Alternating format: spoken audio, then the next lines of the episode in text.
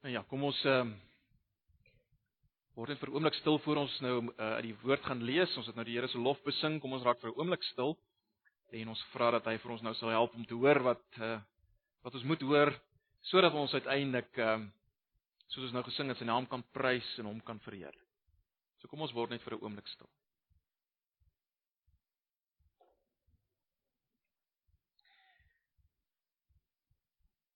Ja, Here Jesus, ons het nou gesing dat ons U wil prys. U wil verheerlik in elke omstandigheid. Wil ons U groot maak. En dis hoekom ons ver oggend hier is om ook ver oggend opnuut te hoor hoe U wil hê ons U moet groot maak in alles.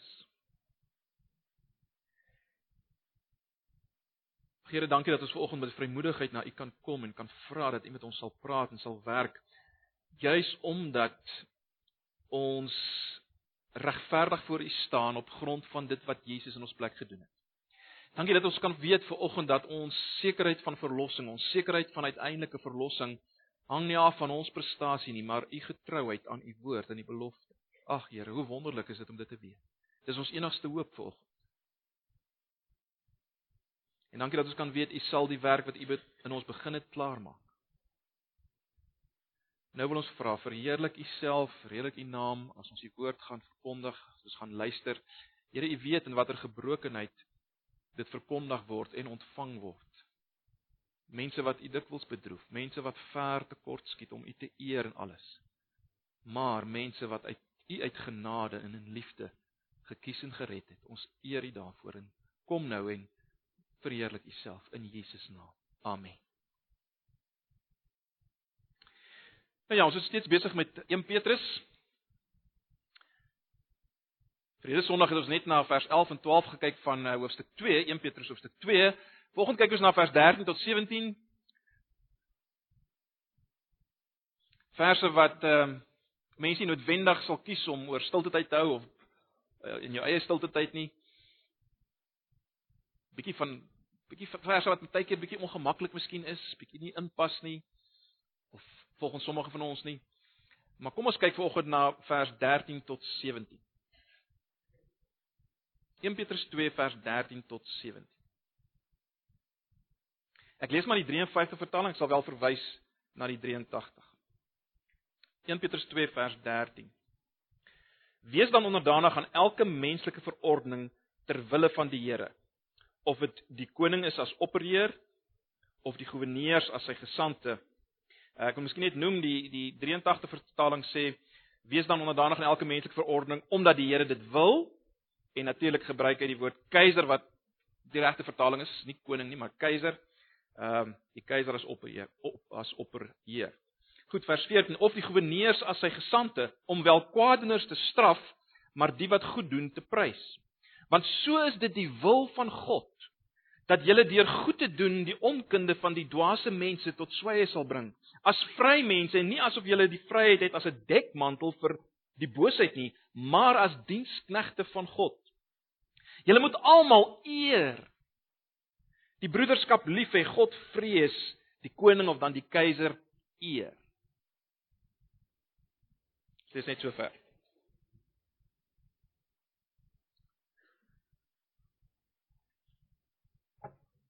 Nou, broers en susters, die onderwerp van die wil van God is een waaroor Christene baie dink, praat en bid.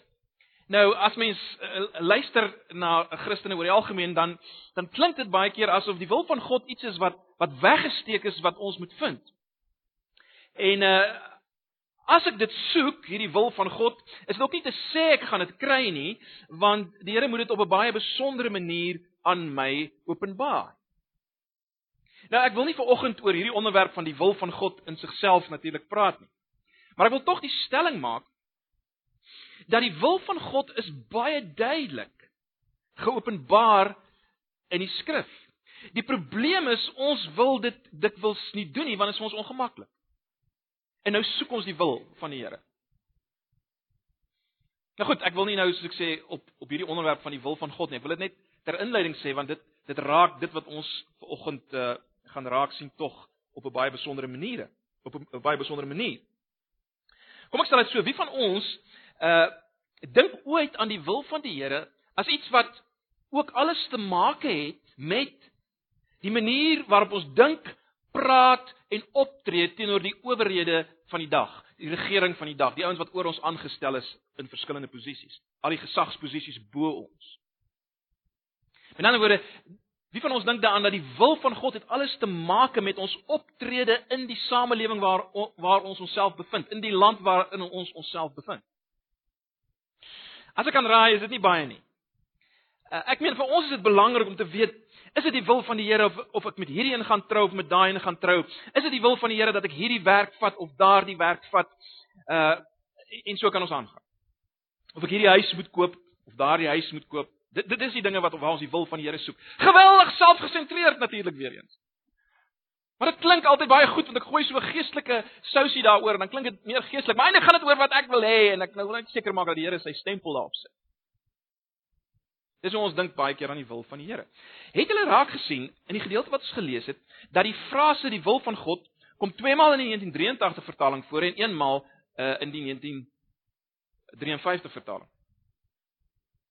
Nou, al sou jy nie die vers 13 uh, eh, wou vertaal soos die 83 het vertaal met uh, die wil van die Here daar nie, is dit baie duidelik uit vers 15, né? Dat die wil van God is dat ons deur goed doen 'n einde maak aan die kwaad. En is baie duidelik wat is die konteks, nee, dit is baie duidelik hierdie goed doen het alles te maak met die regte optrede teenoor die ouens wat bo ons aangestel het. Dis baie duidelik. Dit het alles te maak met die wil van God. Hoe ons optree teenoor die ouens wat bo ons aangestel is. Maar goed. Kom ons staan nader aan hierdie gedeelte. Soos ek net nog gesê het, miskien 'n bietjie van 'n ongemaklike gedeelte. Die eerste ding wat ons moet verstaan is dat ons in hierdie gedeelte wat ons nou gelees het, kom by die eerste toepassing van die beginsel wat ons in vers 11 en 12 kry. Ons kom hier by die eerste toepassing van die beginsel wat ons in vers 11 en 12 kry. Kom ons kyk net weer na vers 11 en 12 waarna ons verlede Sondag gekyk het.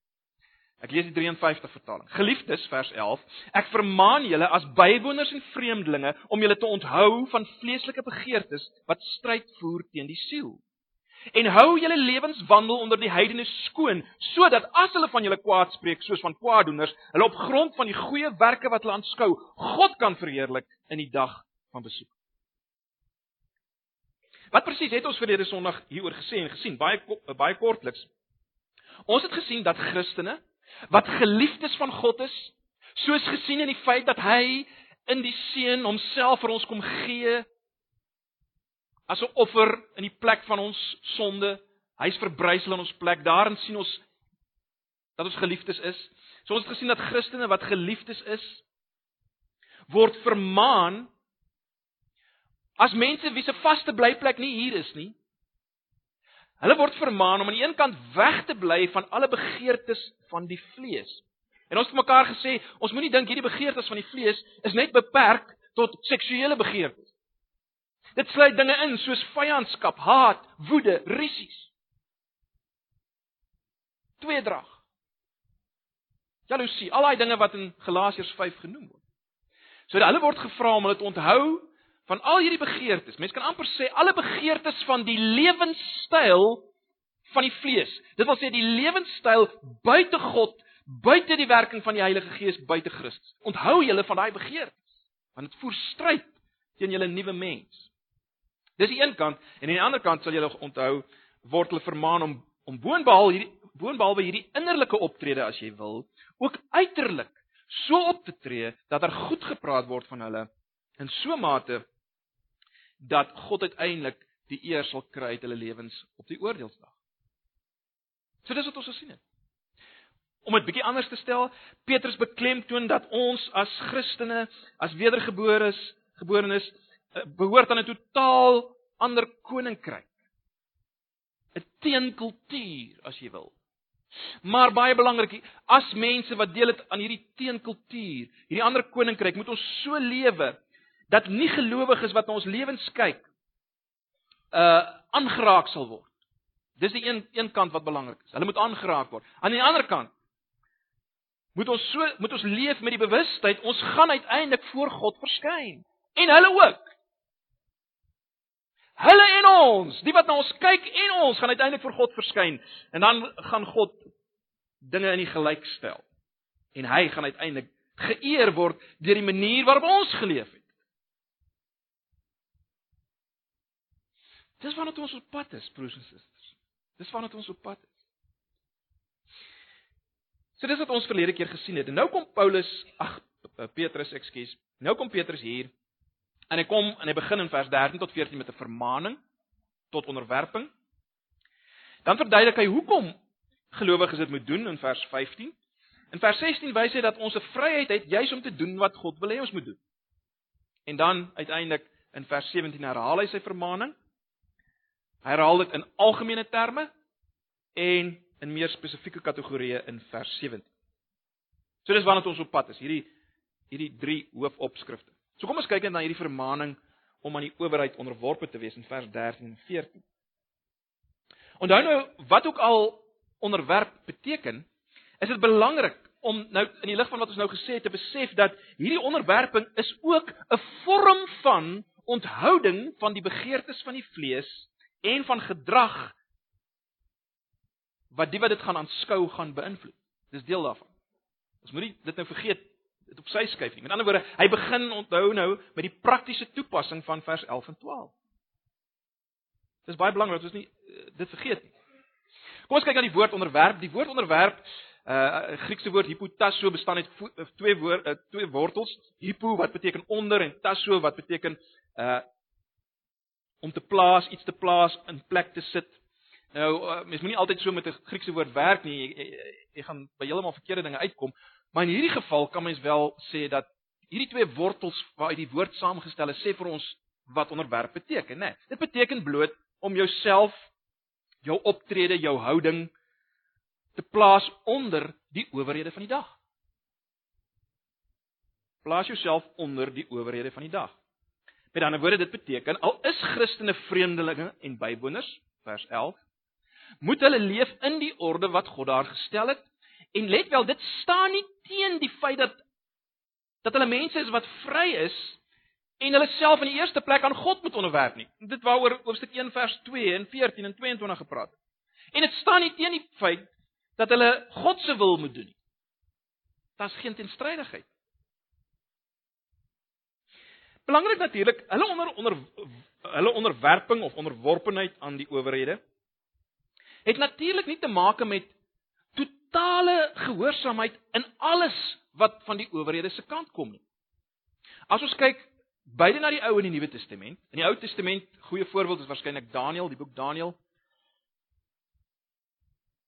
En in die Nuwe Testament kan mens maar dink uh, aan byvoorbeeld Handelinge 4 waar uh, Petrus en Johannes gesê het wel as julle ons want hulle is verbied deur die owerhede om in die naam van Jesus te spreek. En toe sê hulle vir die, vir die owerhede, wel ons kan dit nie doen nie. En julle sal weet in die boek Daniël dieselfde. Uh met ander woorde, dis baie duidelik as dit as dit verwag word om teen die Here op te tree. Uh hierdie onderwerping sluit dit nie in nie. So dis dis baie duidelik op die oppervlak af. Maar dan moet onderwerping wees in alles buiten dit wat direk kan ek amper sê teen die Here is in in in in wat hy uh wil hê in ons lewens wat direk teen hom is. Dan moet onderwerping wees. Let wel, Paulus vermaan gelowiges om hulle te onderwerp aan elke menslike verordening, aan elkeen. Uh mes sou die woord verordening ook kan vertaal met 'n skepping, elke menslike skepping Nou wat hy in gedagte het eh, hiermee is beide die instelling of die persoon wat so aangestel is. Nou in Romeine 13 maak Paulus dit baie duidelik dat hierdie instellings is terselfdertyd instellings van God. Petrus sê dit nie eksplisiet nie, maar uh, dis baie duidelik sy veronderstelling as hy sê ons doen dit ter wille van die Here. En en as moontlik dalk 'n sinspeling ook op die woorde wat hy gebruik as hy die woord skepping en menslik as te ware saam gebruik om om om tog die indruk te gee dat ons het hier te maak met met owerhede wat daar is omdat God dit wil hê. Wat het dit behels? Of wat behels hierdie vermaaning? Wel dit behels dat Christene hierdie Christene vir wie Petrus skryf nou in die eerste plek dat hulle ten spyte van hulle relatiewe vryheid steeds moet leef volgens die orde wat deur die regering van die dag, die owerhede van die dag, die wetgewing van die dag daar gestel is. Met ander woorde, uh hulle moet steeds hulle belastings betaal in ons konteks binne die spoedbeperkings bly en so meer. Die alternatief van nie onder die alternatief van om jou nie onder die menslike owerheid te stel nie is natuurlik chaos. Waarskynlik was daar in Petrus se tyd die ouens wat in chaos wou lewe, maar Petrus vermaan hulle tot goeie gedrag wat God sal eer. Net soos Jesus sy disippels opgeroep het tot vredemakers. Die Christene moet gekenmerk gekenmerk word as vredemakers ten diepste.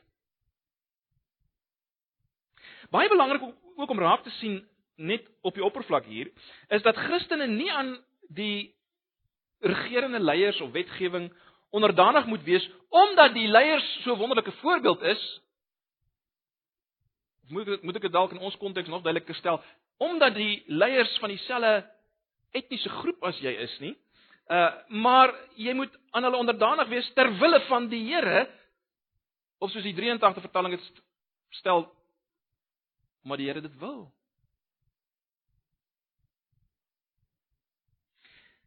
En nou, soos ons gesien het in hoofstuk 2 vers 12, as waarnemers en dan word as mense wat na ons kyk, die regverdigheid en heilig van heiligheid van God in die gelowige sien, dan lei dit tot die prys van die Here.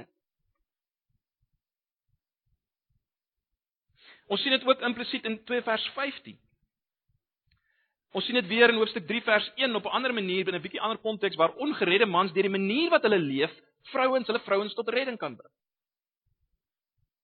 Of 3 vers 15 tot 16 sien ons dat 'n sekere manier van gedrag daartoe kan lei dat ons kan rekenskap gee oor die hoop wat in ons is. So jy sien is dis heeltyd belangrik vir Petrus dat ons gedrag binne die raamwerk waarin ons leef is belangrik. Uiters belangrik as dit kom by die prys van die Here, die eer van die Here. Daar is 'n klein moontlikheid dat die die frase wat uh, wat die 83 vertaling of die 53 vertaal met ter wille van die Here in vers 1 uh dat daar 'n moontlikheid dat dit kan verwys na ter wille of kan beteken ter wille van die voorbeeld van Jesus want in die volgende gedeelte vers 18 tot 25 gaan dit alles oor oor Jesus as die voorbeeld vir ons in in lyding en teenkant. Maar goed, dit daar gelaat. Kom ons kom ons kyk verder wat Petrus hier sê. Hy hy het baie duidelik twee spesifieke menslike instansies waaronder Christene hulle moet stel. Aan die een kant die keiser, soos ek vir julle gesê, dis die beter vertaling van van die woord daar, Ons weet hulle het onder 'n keiser geleef, nie 'n koning nie. Aan die een kant moet hulle onder die keiser stel en aan die ander kant onder die plaaslike goewerneurs.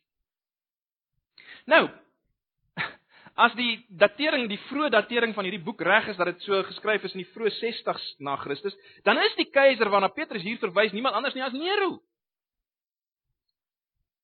En dit het natuurlik geweldige implikasies want dit beteken dat daar van hierdie Christene verwag word en dat daar van Christene verwag word om selfs in die mees ekstreme situasies so te leef met wat het, wat dit ook al mag beteken. Ons gaan net net nader aan onsself trek en probeer dink hoe moet ons daaroor dink.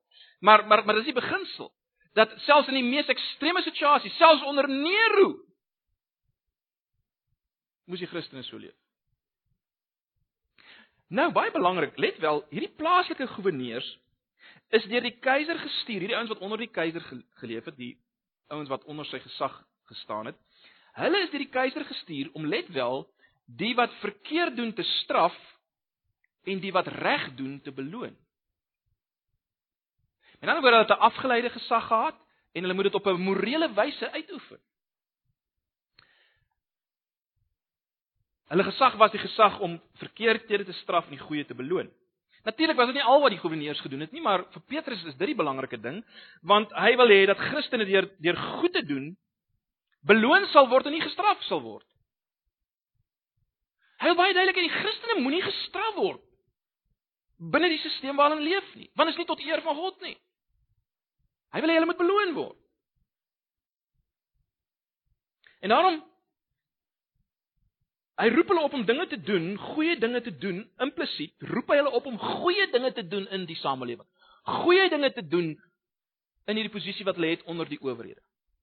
Want hierdie ower hierdie owerhede het die gesag gehad om te beloon nie net om te straf nie, maar ook om te beloon. En daarom moet hulle so leef. Hulle moet hulle word opgeroep om goeie dinge te doen in die samelewing. So baie belangrik, eh, ons moet dit raak sien, deel van die onderwerping aan die owerheid. So ek sê dis dis baie duidelik uit vers 15, né? Nee, deel van die onderwerping aan die owerheid met ander woorde is die doen van goeie dinge.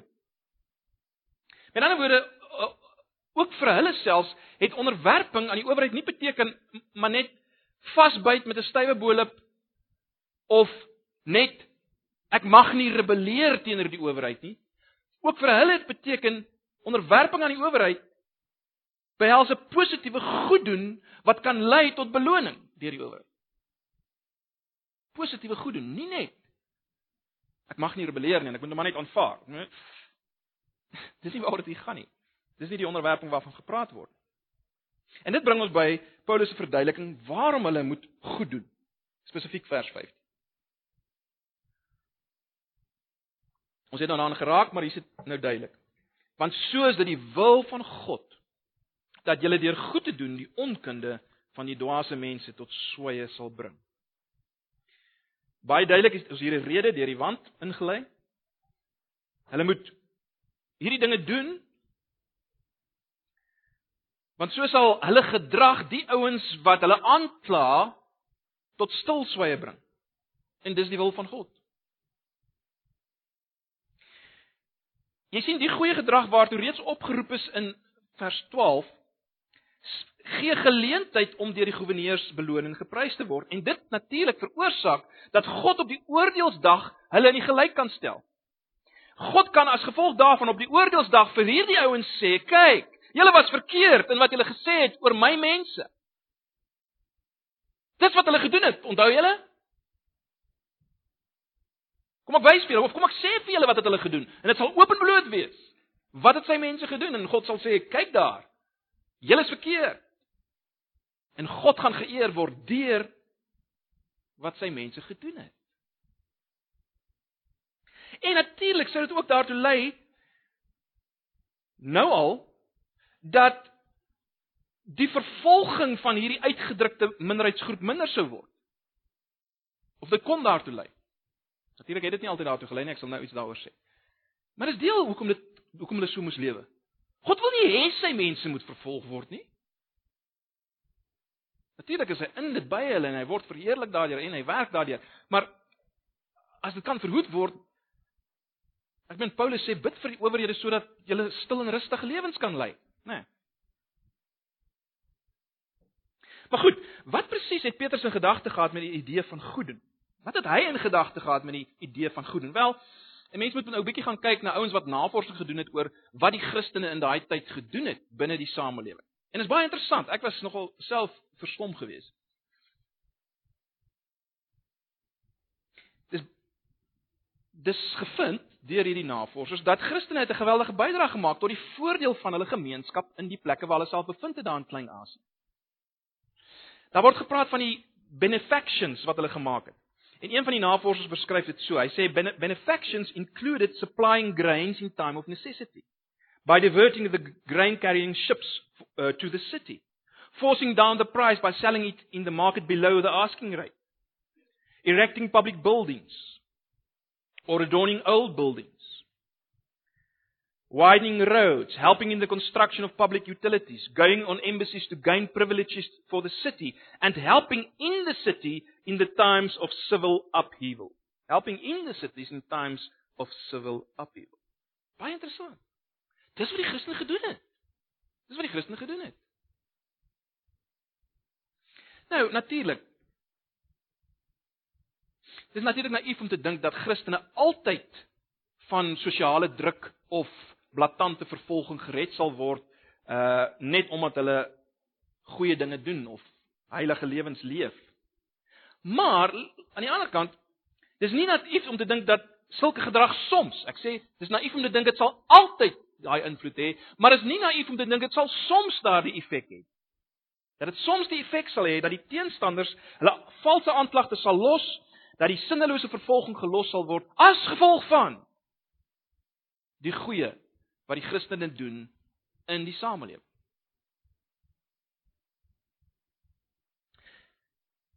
Dit bring ons by vers 16. Dit is baie interessant in vers 16. Maak Petrus dit duidelik dat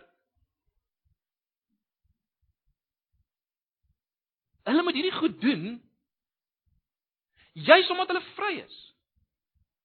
Hulle is juis vry van hierdie gesag wat oor hulle is, eintlik ten diepste, want kyk, hulle is nie ten diepste die slawe van die keiser nie, hulle is ten diepste slawe van God, diensknegte van God. Hulle werk vir God in die eerste plek. Hulle staan onder sy gesag in die eerste plek. Hulle staan nie in die eerste plek onder die gesag van die keiser nie, maar die interessante ding is dat Petrus sê, juis daarom onderwerp julle self. Jy sien, die punt is, julle kan nie hierdie vryheid of julle mag nie hierdie vryheid wat julle gebruik of wat jy het gebruik as 'n verskoning om onregeerbaar te leef. Chaoties te leef. Want dit doen die kerk skade aan en dit doen die naam van God en sy eer aan 'n skade aan. En dit gaan vir die dit sal vir die owerhede reg die reg gee, regverdige reg gee om julle te straf. Want julle doen verkeerd. So julle moet gestraf word deur hulle dan. Waarskynlik skryf Petrus oor hierdie goed juis omdat daar 'n versoeking was by die gelowiges om uit te breek van die regerende gesag. Uh waarskynlik was daar die persepsie dat wel hulle is volgelinge van Jesus en daarom is hulle vry van hierdie regerende magte en daar was 'n verkeerde verstaan van wat dit beteken om vry te wees.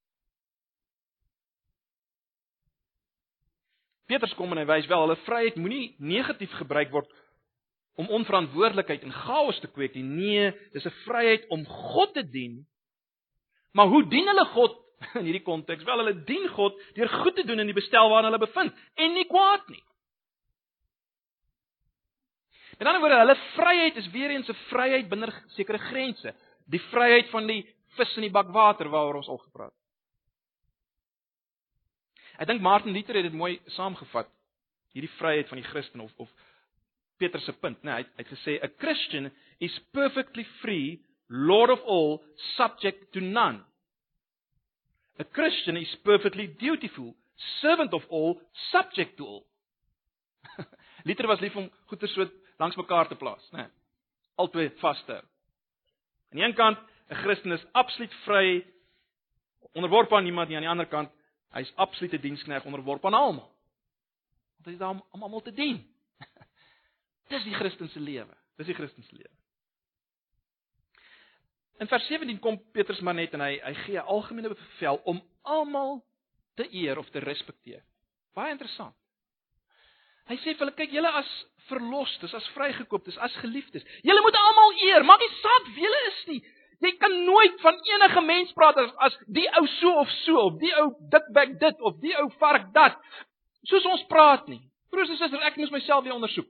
Hoe praat ons oor mense wat nie saamstem in die eerste plek selfs met as as dit net nie saamstem met ons teologies nie, dan praat ons al so. Wat nog te sê as hy nie van dieselfde velkleur is nie en as hy nie van dieselfde dieselfde klas as ons is nie en dinge doen waarvan ons nie hou nie.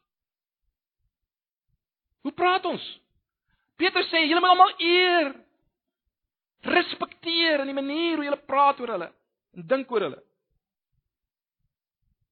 En dan noem hy dis die algemene stelling en dan noem hy spesifieke gevalle dan aan die einde van die gedeelte. God, die keiser. Almal. Almal moet deur hulle geëer word. Dit is baie baie belangrik dat ons dit sal raak sien. Want jy sien dis sulke gedrag wat sal verhoed dat die evangelie skade aangedoen word deur vervolging en deur dinge wat gesê word oor ons. God se naam sal skade ly. En dis hoekom hy kom in die laaste vers en hy hy beklemtoon dit. Julle moet julle moet mense respekteer. Daar moet respek en eer van vanaf julle kom na al die verskillende groepe mense toe. Net soos julle God eer en respekteer. Wel, ook die keiser en ook die onder hom en alle mense. So dis wat Petrus hier sê. Nou is die vraag hoe moet ons presies daaroor dink?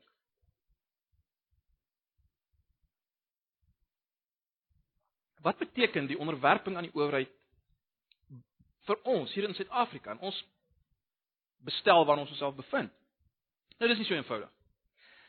Nou ons weet nou alreeds verseker kan onderwerping aan die owerheid nie beteken dat ehm uh, as hulle van my vra om die Here te verloon of nie die evangelie te verkondig, die naam van Jesus groot te maak soos in Handelinge 4. Uh ek kan hulle nie onder ek kan hulle my nie self van hulle onderwerp as hulle dit van my vra nie. Ek dink daaroor is almal duidelik. Maar wat van die res? Wat van die res? Die dinge wat hulle uitvaardig en bepaal en so meer. Mag ons nooit van hulle verskil nie omdat hulle deur God aangestel is. Hoe moet ons onderwerping lyk en en hoe moet ons goed doen lyk? Dis die vraag waarmee ons moet worstel. Ek gaan nou maar net raak aan hierdie goeters. Ek dink die eerste ding wat belangrik is is dat ons moet verstaan dat hierdie brief is natuurlik in die eerste plek vir 'n baie spesifieke gemeente vir baie spesifieke konteks geskryf, gemeentes onder 'n sekere bestel. En ons moet dit verstaan as ons die toepassing wil deurtrek na ons. Met ander woorde, ons moet onthou in die eerste plek dat daar is 'n 'n groot verskil tussen ons posisie in ons samelewing en die posisie van hierdie eerste Christene. Daar is 'n verskil. Daar's 'n verskil tussen ons posisie en die Christene in Klein-Asië op hierdie stadium. En aan die ander kant is daar 'n verskil tussen die keiser se posisie en ons president en owerhede se posisie. Daar's 'n verskil tussen die keiser en sy goewerneur se posisie en ons owerhede se posisie. So kom ons dink net 'n bietjie oor die verskil. Die Christene in daai dag, het ons nou al mekaar gesien, was werklik ouens gewees wat nie burgerregte gehad het nie. Hulle was werklik behalwe dat dat Petrus hierdie terme gebruik om te wys hulle hulle burgerskap is eintlik in die hemel en nie hier nie. Behalwe daarvoor was hulle ook mense wat wat sosiaal uitgedruk is en wat eintlik volgens alle aanduidings nie regtig burgerregte gehad het.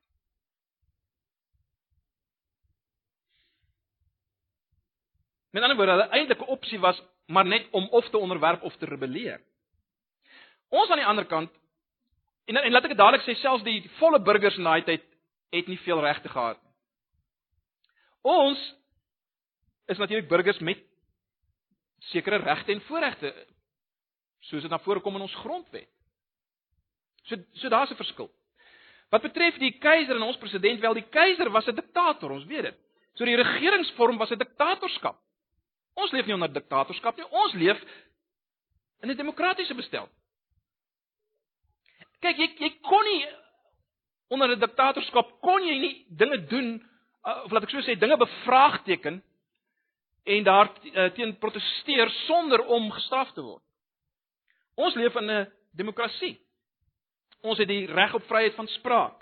Die reg om te kies vir ons ons leiers te kies deur verkiesings. Dis die proses. Ons het die reg tot iets soos vredesame protes. Ek weet nie of ek nou al genoem het. Uh Met ander woorde, ons kan as die leierskap iets doen wat nie inpas by wat hulle moet doen nie, naamlik om regte dinge te beloon en verkeerde dinge te straf nie. As hulle dit nie doen nie, kan ons met ander woorde wetlik as te ware hulle aanspreek. Ons kan hulle daarop wys op 'n manier wat steeds onderworpenheid aan die owerheid is. As jy verstaan wat ek bedoel. Met ander woorde, kom ek stel dit so, ons kan met ander woorde absoluut gehoorsaam wees aan die opdrag hier in 1 Petrus 2 vers 13 tot 17. Maar ons onderwerping kan heel waarskynlik totaal anders lyk as Petrus se eerste lesers se onderwerping. Maar die beginsel van onderwerping is dieselfde. Ons onderwerping kan of deel van ons onderwerping kan wees vurige protes teen sekere besluite wat in stryd is net maar met die grondwet. Ons kan proteseer Ons kan proteseer, vreedsaam proteseer by abortusklinieke en uh oor rassisties gedrewe wetgewing en so meer. Ons kan dit doen. Maar nie op 'n manier wat 'n streep trek deur ons navolging van Jesus. en ons diepste kan ek sê doelwit naamlik om vredemakers te wees. Jy sien? Dis dis die balans wat ons moet hou. Met ander woorde om die terug te kom na die vat maar die voorbeeld van 'n abortuskliniek. Uh, ons kan nie 'n abortuskliniek opblaas nie. Wat in Amerika al gedoen is. Of die dokters wat daarbey betrokke is doodskiet nie. Jy sien, oomblik as ons dit doen, is ons besig om te rebelleer. Dan onderwerp ons ons nie meer nie. Dan begin ons daai lyn oorsteek as ons as ons die plek opblaas. So dis baie belangrik. Ehm um, as ons byvoorbeeld teen as ons teen onbybelse rasisme op 'n rassistiese wyse optree. Daarteen proteseer, dan trek ons weer 'n streep deur alles. Dan doen ons nie meer goed nie. Met ander woorde, wat ek probeer sê is, ons moet ons onderwerp aan die owerhede, wat vir ons beteken dat ons binne die raamwerk van ons regte en voorregte wat ons het, sal reageer teenoor die owerhede. Sal reageer as hulle nie meer die kwaad straf en die goeie beloon dit waarvoor God hulle aangestel het. Ons kan daarteenoor reageer. Met ander woorde, ons onderwerping, as mens dit so kan stel, het baie meer amper 'n element van samewerking op die regte manier, né? Nee. Ons moet as burgers ons samewerking gee binne die demokratiese bestel en op daardie manier onderwerp ons ons aan die owerheid. Dis baie belangrik uh, om net op hierdie punt te sê dat uh, ek dink daar's 'n gevaar dat ons as Christene kan dink dat dinge sal eers goed gaan en reg gaan in die land as daar 'n Christenregering is of 'n blanke regering is. En dat ons eintlik ons net kan onderwerp en ons samewerking kan gee as daar 'n Christenregering is of 'n blanke regering. Maar julle sal sien, dis glad nie ook in Petrus op die tafel nie. Petrus sê nie Julle moet julle onderwerp as hulle nee, hulle was nie Christene nie. Was dit was nie roeg geweest. En hy sê onderwerp op julleself.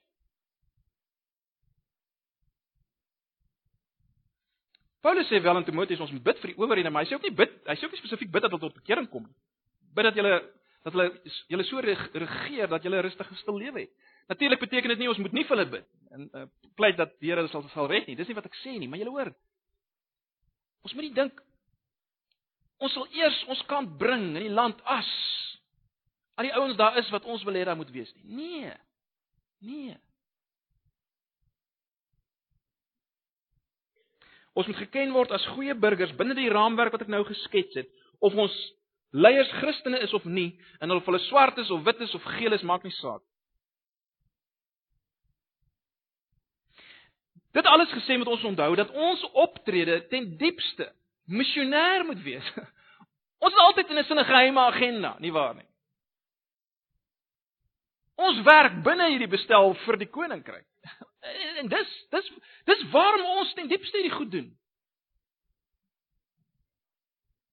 Wat nie beteken dat ons noodwendig op elke hoek moet staan en traktaatjies uitdeel of preek in die parkie nie.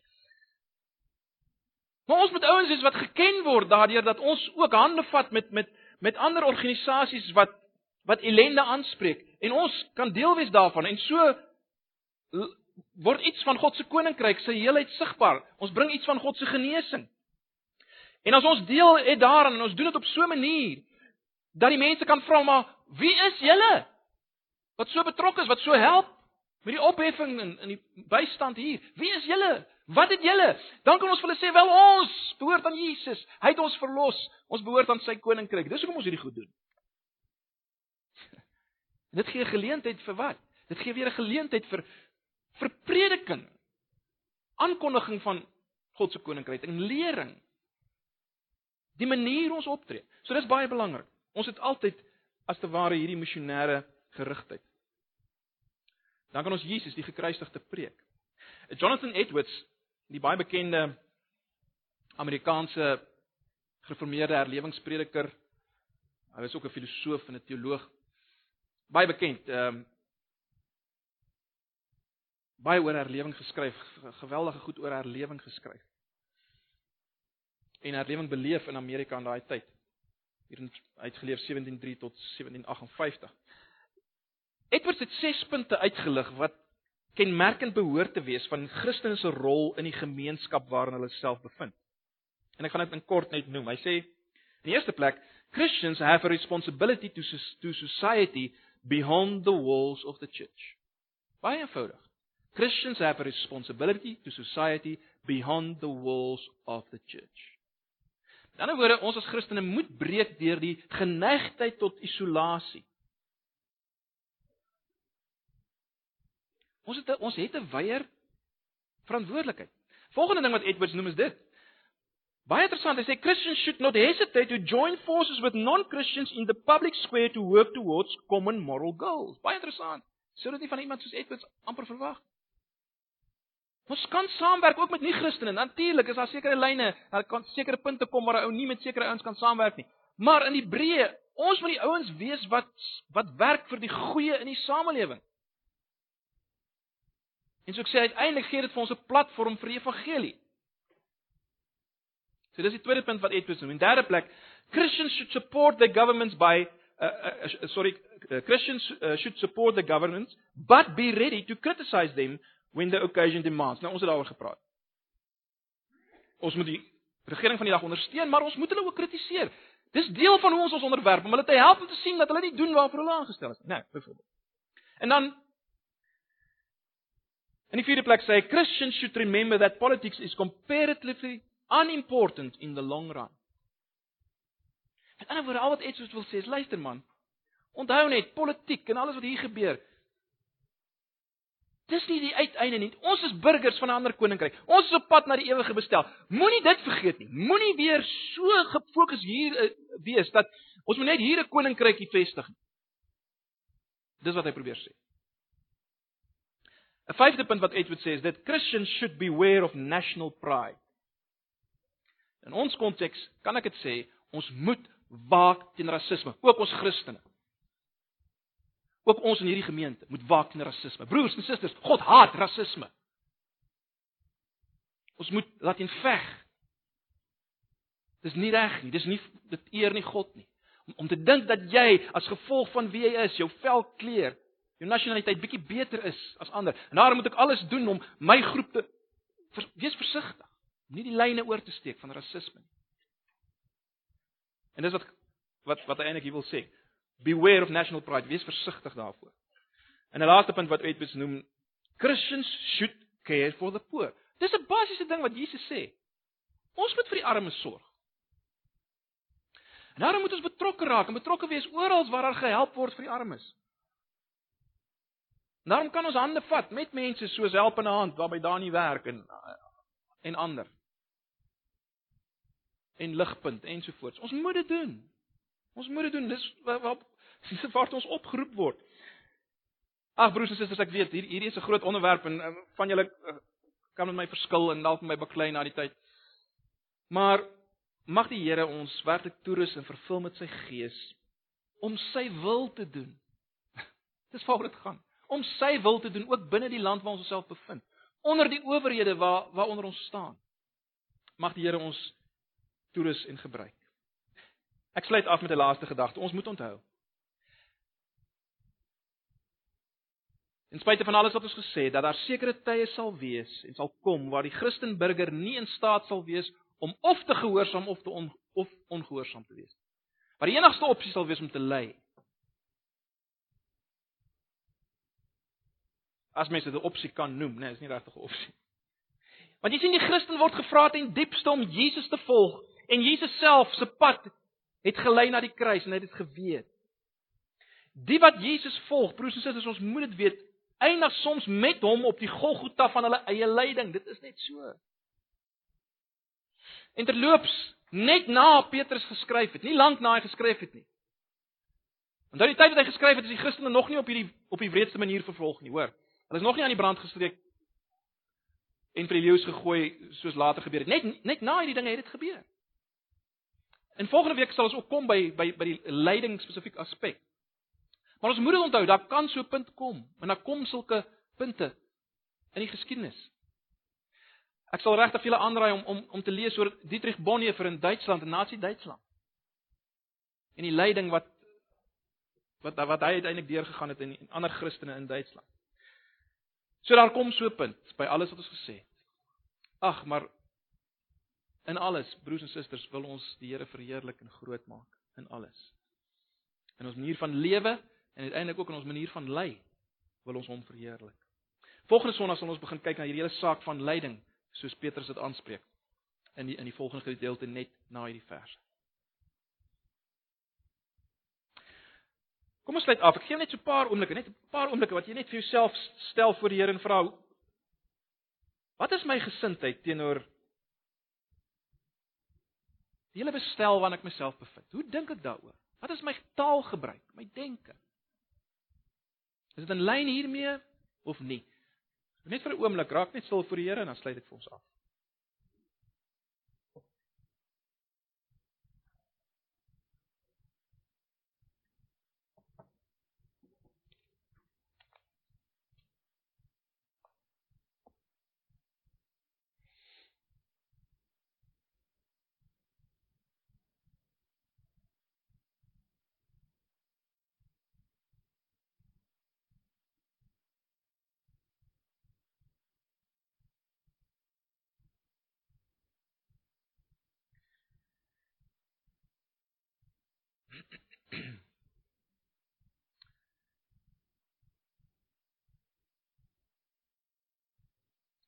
Ag Here, baie dankie dat U ons vanoggend weer kom herinner daaraan dat ons moet heilig wees soos U heilig is.